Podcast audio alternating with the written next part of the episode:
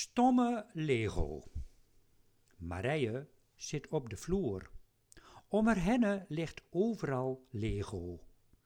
Ze had de kisten met Lego gewoon leegsmeten.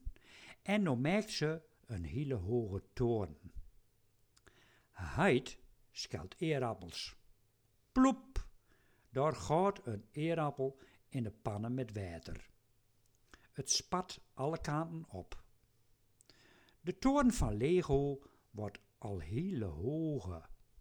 Ik maak een kraan, heid, zei Marije. De toren moet aast op een karken. O, je ga je gang maar, bromt heid.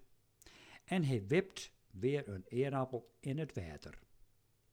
Marije pakt een blok in en zet dat op een eren Maar wat is dat nou? De toren valt om. De Lego-steen vliegen door de kamer. Stomme Lego, prottelt Marije. Ze begint gauw opnieuw. Eén later is de toren weer kreklieke hoger als zo krek.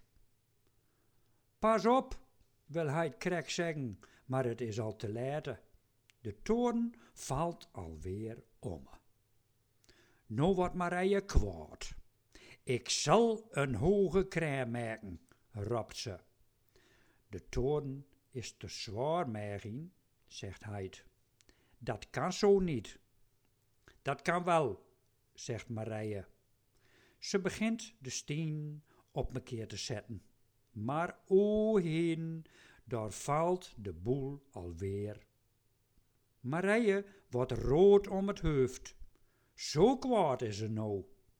Ze smit de blokjes door de kamer. Rot Lego, stomme Lego, goelt ze. Marije, zegt hij, niet zo kwaad, mi Mergien. Maar Marije vliegt de kamer uit. De deur klapt achter haar dichter.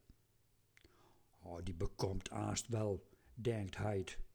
En, ze zet, en hij zet de pannen met eppels op het aanrecht. Hij het gelijk.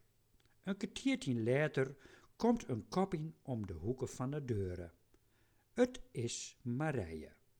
Ze loopt naar hij toe en kropt hem aan. Is de kwaaie buien weer over? vraagt hij. Marije nikt van ja. Ja, die Lego kon er niks aan doen, gaat hij verder. Weet wat? Als de eerappels op het fornu staan, dan help ik jou even. Dan merken we te geren een kraan.